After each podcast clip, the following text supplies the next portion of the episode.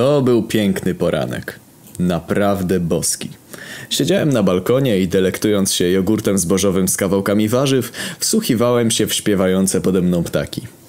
Dlaczego pode mną? Ponieważ mieszkam na szesnastym piętrze. Pewnie wydaje ci się, kochany czytelniku, że to bardzo wysoko, ponieważ pierwszy raz słyszysz o budynku mającym takie olbrzymie rozmiary. Bzdura. Mój dwudziestopiętrowy budynek otaczają setki co najmniej dwa razy większych. Dlaczego? Ponieważ żyję w roku 3459, ale o tym jak znalazłem się w 2013 dowiesz się za chwilę. Zatem, gdy tak sobie spokojnie pałaszowałem gdzieś tak około 10 km od mojego położenia, kilku górników pracujących w kopalni odkrywkowej zapuściło się w niedostępne dla takiego plepsu jak oni tunele. Tych pięciu bodajże panów postanowiło sobie pozwiedzać miejsca przeznaczone nie do zwiedzania. Zapuściwszy się zatem tam, gdzie nie powinni, znaleźli coś, czego znaleźć nie powinni, a mianowicie niezwykle cenny minerał.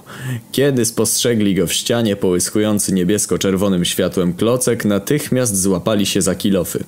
Kiedy rozpoczęli próby wydubania owego minerału za skały, to ów materiał pod uderzeniem kilofa zareagował. Zareagował w sposób właściwy dla minerału z kosmosu, ponieważ był to właśnie minerał z kosmosu.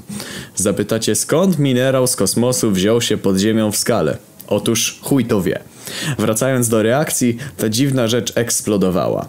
Eksplodowała tak, że fala uderzeniowa obiegła całą Ziemię, zaś w promieniu 10 km zdmuchnęła wszystko, zrównując Ziemią. Usłyszałem huk, a następnie mój dwudziestopiętrowy blok runął w dół. WTF żal, pomyślałem. Wyobraźcie sobie spadać wśród gruzów z dwudziestego piętra. Kurwa nie sądzę. Kiedy upadłem na ziemię uratował mnie jedynie gruby sąsiad, który spadał pode mną. Rozbryznął się w kalejdoskop flaków krwi i wnętrzności, ale chuj z nim. Przynajmniej dobrze zamortyzował upadek. Otrzepałem się z pyłu i kamieni, po czym od razu odsunąłem się, a na moje miejsce spadł wielki głaz. Wszystko ucichło. Nagle zobaczyłem majaczący nade mną kontener, pełen paczek jogurtu warzywnego, który kochałem nad życie i który był od dłuższego czasu moim jedynym pokarmem. Sekundę potem zobaczyłem, jak rozkrzaskuje się wśród ruin. To był dla mnie szok. W oczach stanęły łzy, a serce zapłakało żałośnie. Całym sercem zapragnąłem cofnąć czas i uratować moją limitowaną edycję rogurcików. Czas się cofnął, a ja się zbytnio nie zdziwiłem. Widocznie radioaktywny minerał z kosmosu dał mi taką supermoc. Podbiegłem i złapałem kontener. Moja siła i wytrzymałość również się diametralnie zwiększyła. Ta cała sytuacja wydarzyła się tak szybko i niespodziewanie, że postanowiłem się odstresować symbolicznym jogurtem. Gdy, gdy go odpakowałem, nie zwróciłem nawet uwagi na czerwono-niebieską barwę, jaką przybrał.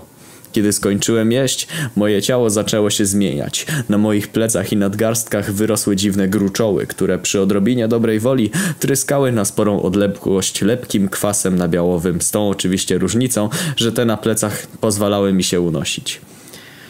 Zrozumiałem, że od dziś jestem kimś więcej niż lepszym. Tylko, że muszę przyjmować regularnie określoną dawkę nabiału, aby mieć supermoce. Tak, to ja. Sierżant nabiał kapitan załogi zaginionego greckiego tankowca Lotus.